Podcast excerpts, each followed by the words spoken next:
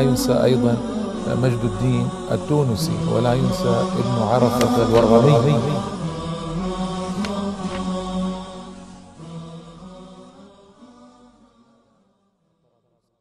بسم الله الرحمن الرحيم. الحمد لله رب العالمين. وصلى الله وسلم وبارك على سيدنا محمد وعلى آله وصحبه أجمعين. أما بعد فيا أيها الإخوة والأخوات السلام عليكم ورحمة الله تعالى وبركاته. واهلا وسهلا ومرحبا بكم في هذه الحلقة السادسة عشرة من هذا البرنامج الذي اتحدث فيه عن شخصيات تونسية.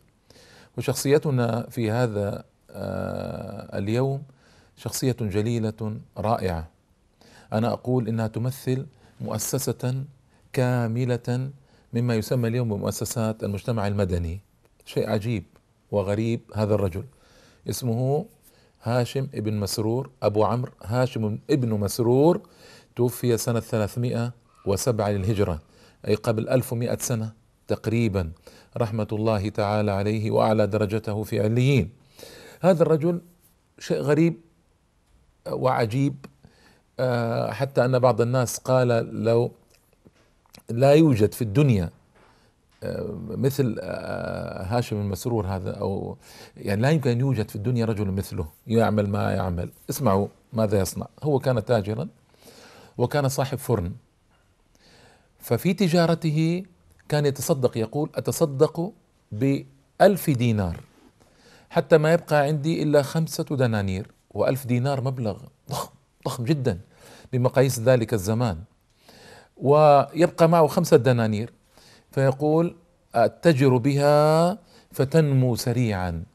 فإذا وصلت إلى ألف دينار أتصدق بها ويبقى عندي خمسة دنانير ومرة ثالثة جرى معه هذا أيضا.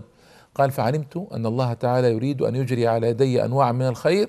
لذلك الله سبحانه وتعالى يكرمه بهذا المال العجيب الذي يتجدد له كل وقت. كان عنده فرن وإذا خرج الخبز ورآه طيبا قال ادفعوا به إلى الفقراء وإلى الأضراء. الأضراء يعني العميان. فيدفعون بالخبز كله. فإذا جاء الناس التجار ليشتروا منه الخبز قال بعناه ممن يوفيه لنا. يعني يقصد أنه تصدق به لوجه الله تبارك وتعالى. هذا الرجل كان آه، يذهب إلى سوق الدجاج كل يوم خميس.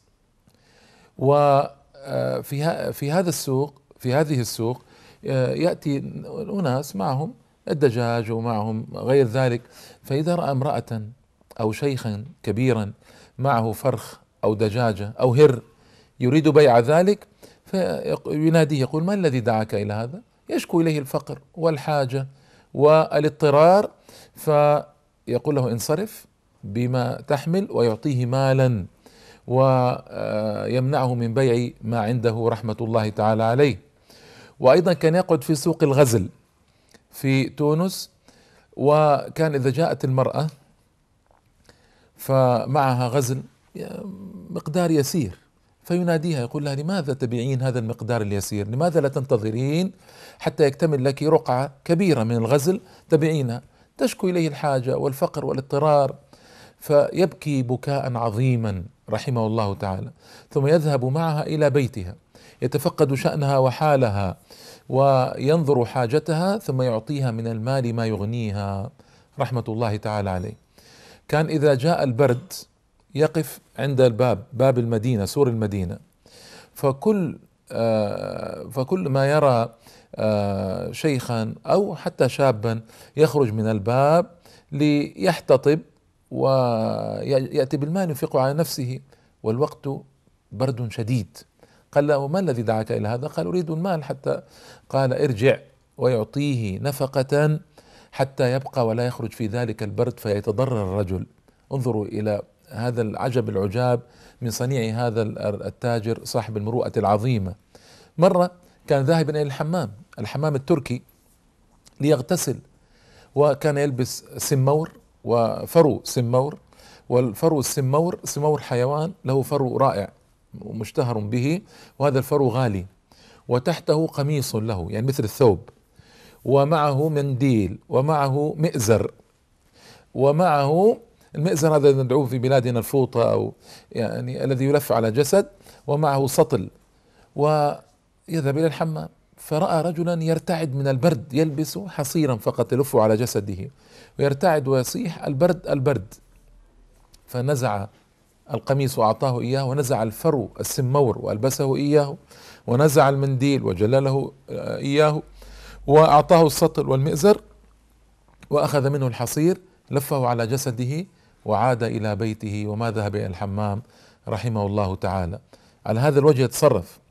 وكان إذا جاءت الفاكهة أول الفاكهة يذهب إلى المكتب يعني الكتاب المدرسة التي يتعلم فيها الأولاد الصغار وتسمى بالفصحى المكتب وفي مصر تدعى الكتاب معروفة مشهورة. فينادي القائم على المكتب أو الكتاب يقول له أخرج لي من عندك من الأيتام. ليعطيهم الفاكهة في أول نزولها ويدهن رؤوسهم ويقبل بين أعينهم ويقول ما أدري ماذا أصنع لكم من الخير ومن المعروف. ويفعل ذلك بمكاتب مدينته كلها. يمر عليها بهذه الطريقة. معه الفاكهة الجديدة ومعه كذا ليكرم الأيتام. كان يذهب إلى المرضى في الأعياد المرضى المنقطعين أصحاب الأمراض المستعصية الذين هم منقطعون في مكانهم. لا يأبه بهم أحد لا يكاد يلتفت إليهم أحد. يذهب إليهم في أماكنهم. فيأتي لهم بالحلوى يصنعها لهم بنفسه ويطعمهم إياها بنفسه. ويفلي ثيابهم أي يخرج منها القمل ويدهن رؤوسهم ويعطي ويقص أظافرهم بنفسه. مرضى ما يستطيعون قص الأظافر. يقصها بنفسه أظافرهم. ويعود هذا في كل يوم عيد اليوم الأول من العيد والناس منشغلون بالعيد وفرح العيد ويذهب إلى هؤلاء المرضى يفعل بهم ذلك. لا إله إلا الله. مرة مرة برجل صاحب له اسمه ابن العزفي. وهو يبني حماما. وقلت لكم الحمام هو الحمام التركي هذا. قال له ماذا تصنع يا ابن العزفي؟ قال أخرجت ألف دينار. أخرجت ألف دينار حتى أبني بها حماما يكون لأولادي من بعدي. فدعا له وانصرف وذهب إلى بيته وأخرج ألف دينار من بيته. وقال اللهم إن ابن العزفي أخرج ألف دينار ليبني بها حماما يكون عدة لولده من بعدي. وأنت يا ربي عدة لولدي من بعدي. وأنفق الألف دينار في الفقراء والمساكين. الله أكبر. انظر إلى ثقته العجيبة بالله تبارك وتعالى وما تصنع به هذه الثقة وما تدعوه إليه من الأعمال الرائعة الجليلة. مر أهل السجن شكوا إليه أنهم في فقر وفي جوع وفي ضعف وما كان عنده شيء إلا مهراس ورثه من والده. مهراس ما يهرس به الطعام من نحا يعني وعاء نحاسي. فذهب وباعه بثلاثة دنانير وذهب وابتاع بها دقيقا وهو يعني في حاجة هو نفسه في حاجة كان. ابتاع بها دقيقا وصنع بها خبزا وذهب بنفسه إلى السجن وفرقها على أهل السجن ليطعموها. فرأى أباه في المنام. يقول له يا بني جزاك الله خيرا. هذا آه الذي فعلته وتصدقت به من الخبز أجازني عقبة عظيمة. أجازني عقبة عظيمة. وكان أبوه يعني قال له صادفت عقبات كثيرة. هذه الثلاث الدنانير التي بعت بها المهراس أجازتني أعظم عقبة. الله أكبر. وله مع والده أيضا رؤيا أخرى لطيفة.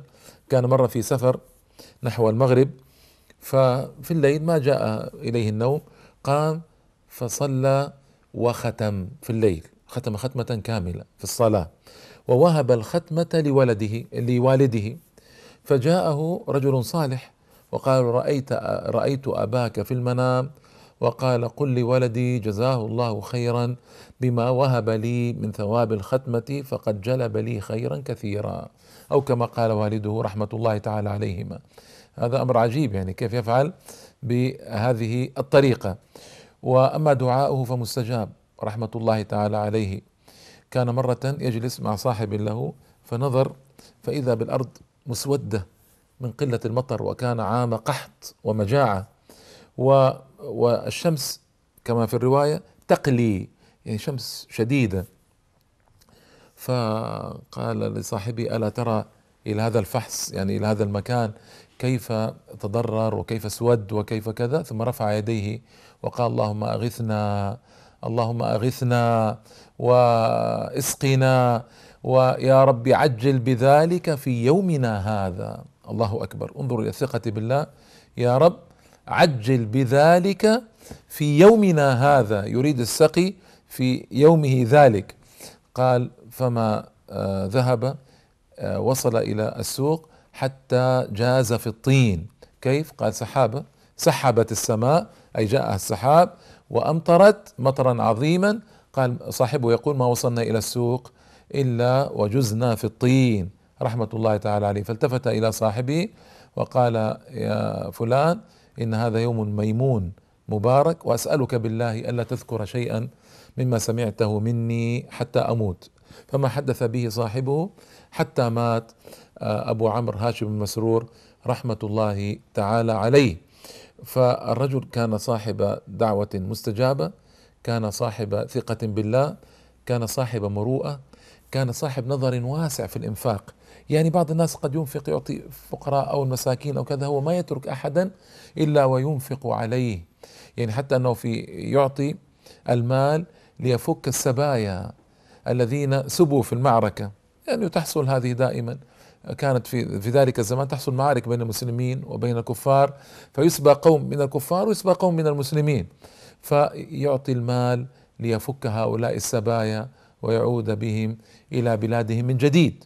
يتفقد اليتامى يتفقد الفقراء يذهب إلى الأسواق بنفسه يقعد على سور المدينة لينظر آه، أهل الحاجة وأهل الاضطرار وأهل الفقر.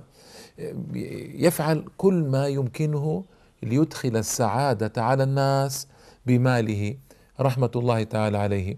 فيعني أين مثل آه، أبي عمرو هاشم المسرور صاحب الفرن كما كان يلقب. أين مثله رحمة الله تعالى عليه في ثقته بالله وفي إنفاقه وفي عطائه؟ وقلت لكم شبهته بمؤسسة مجتمع مدني. متكاملة ما شاء الله.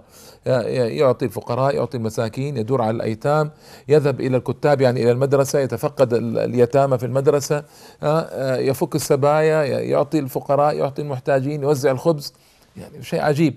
فلا يكتفي بشيء واحد بل ينوع صدقته رحمة الله تعالى عليه. فأين تجار المسلمين؟ من المآسي التي يعاني منها المسلمون اليوم. أين هم من صيحات الفقراء والمساكين والضعاف في إفريقيا وفي جنوب شرق آسيا وفي هذه الأماكن؟ أين هم من صيحات المستضعفين من المسلمين الذين تغزى أراضيهم وتنتقص وتنتهك أعراض نسائهم؟ أين هم من المشاريع المهمة التي يحتاجها المسلمون الذين يكادون يموتون عطشا في إفريقيا ولا يجدون من يحفر لهم بئرا؟ يعني مثل هذا ما شاء الله هذا الرجل الذي يفعل هذه الأفعال ويتصرف مثل هذه التصرفات نحن بحاجة أن نجعله قدوة لتجارنا ينظرون إليه فيعتبرون بما يصنع وما يعمل رحمة الله تعالى عليه. ولأن اليوم يقول بعض الدعاة لو أن كل تجار المسلمين أخرجوا فقط زكاتهم لا يمكن أن يبقى محتاج في الأرض من المسلمين. هذا الزكاة فقط. أما أبو عمرو انظروا ماذا يصنع يخرج من الأموال الهائلة. يعني شيء عجيب. آه مرة كان عنده 100 دينار 100 دينار كاملة تصدق بها الفقراء والمساكين. ومبلغ قلت لكم 100 دينار مبلغ ضخم وضخم كبير في ذلك الوقت. فمر علي به سائل قال اعطني فإني مضطر. قال ما عندي شيء.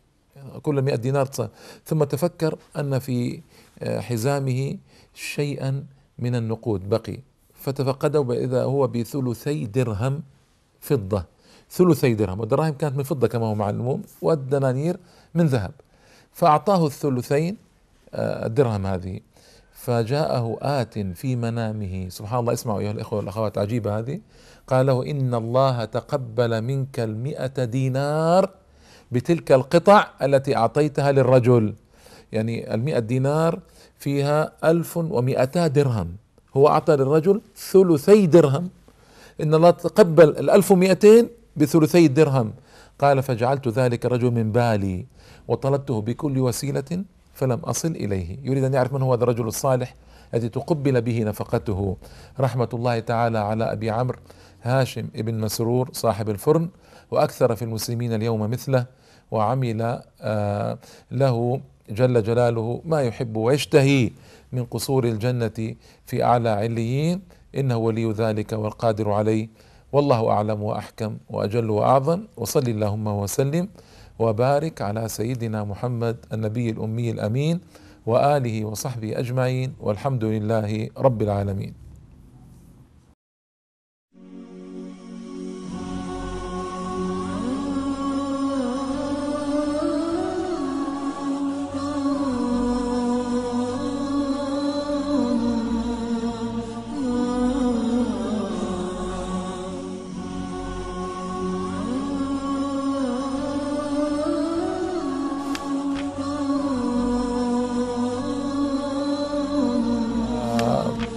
لا ينسى أيضا مجد الدين التونسي ولا ينسى ابن عرفة الورغمي